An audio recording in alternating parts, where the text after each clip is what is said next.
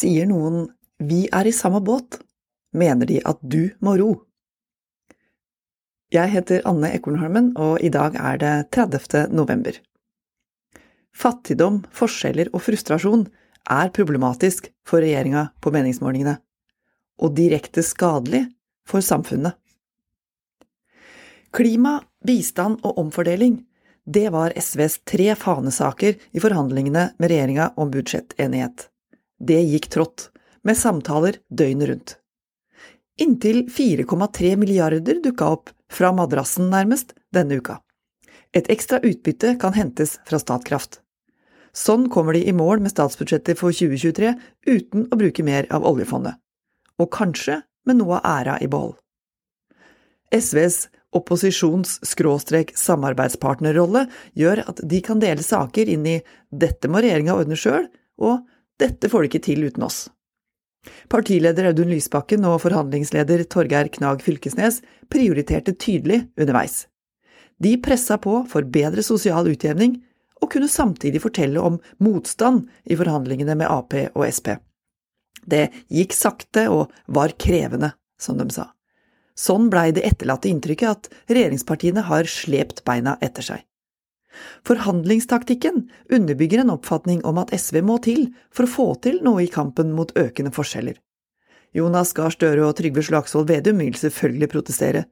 De har tatt inn over seg problemene mange nordmenn står i, at hverdagsøkonomien ikke strekker til. Men de kan ikke argumentere mot meningsmålingene. Arbeiderpartiet og Senterpartiet er i fritt fall, fordi vanlige folk ikke opplever at regjeringa ser dem, ikke tar signalene, ikke møter dem i øyehøyde når det røyner på. Oppfatningen har spredd seg i desillusjonerte kommentarfelt, og blei understreka av den ekstremt dårlige vurderinga at ingen, verken fra regjeringa eller stortingsrepresentanter for Ap og Sp, stilte opp i fattigdomsdebatten på NRK 15. november. Politikerne må møte folk ansikt til ansikt, også når det er ubehagelig. Avstand er gift for forholdet. Arbeids- og inkluderingsminister Marte Mjøs Persen fra Arbeiderpartiet møtte riktignok i studio hos Fredrik Solvang uka etter, etter intern oppvask i partiet. Fattigdomsdiskusjonene den siste tiden skal ha gjort inntrykk på Ap-Sp-regjeringen, skrev NTB tirsdag. Det skulle bare mangle. Ulikhetsveksten er uverdig for det velferdssamfunnet vi påberoper oss å være. Nå har selvfølgelig store forskjeller ikke dukka opp etter at Støre-regjeringa tok over kontorene. Problemene har vokst fram over år. Sikkerhetsnettet trenger sårt en oppgradering. Og ønsket om bedre sosial utjevning var en hovedgrunn til at et stort flertall velgere ville bytte ut høyreregjeringa ved valget i fjor. Nå er det en skuffelse over at Arbeiderpartiet og Senterpartiet ikke har reagert raskt nok på krisa, og nettopp på et område der de før valget lovte løsninger for dem som har stått i kø på matutdeling for første gang, dem som ikke har råd til julemat, for dem som har skrudd ned strømmen i huset, så må justeringene i statsbudsjettet bli merkbare i praksis. Det må de bli også hvis Arbeiderpartiet og Senterpartiet skal ha håp om å snu meningsmålingene.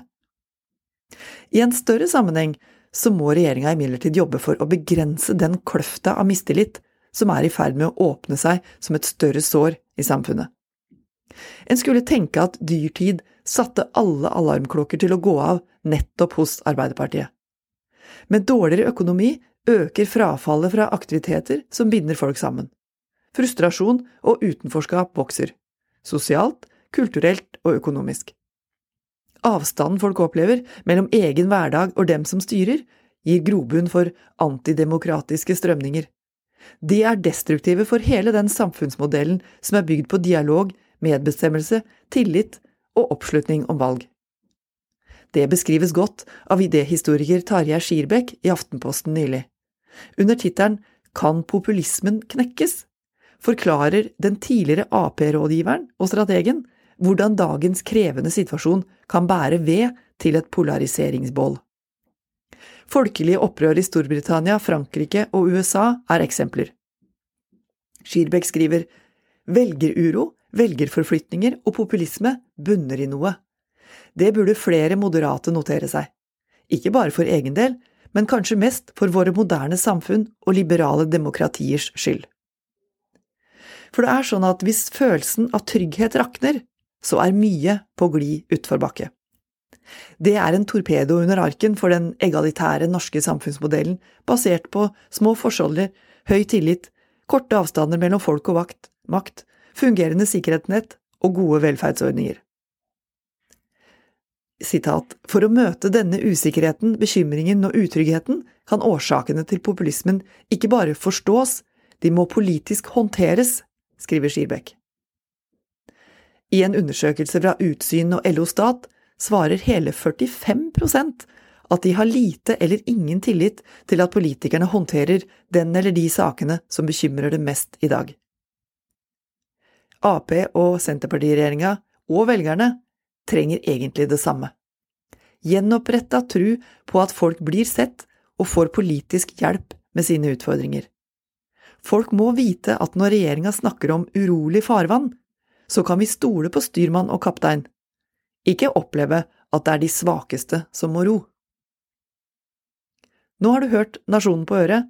Jeg heter Anne Ekornholmen, og hvis du vil ha flere sånne kommentarer lest opp høyt, så får du det på nasjonen.no, eller der du hører dine podkast. Vi høres!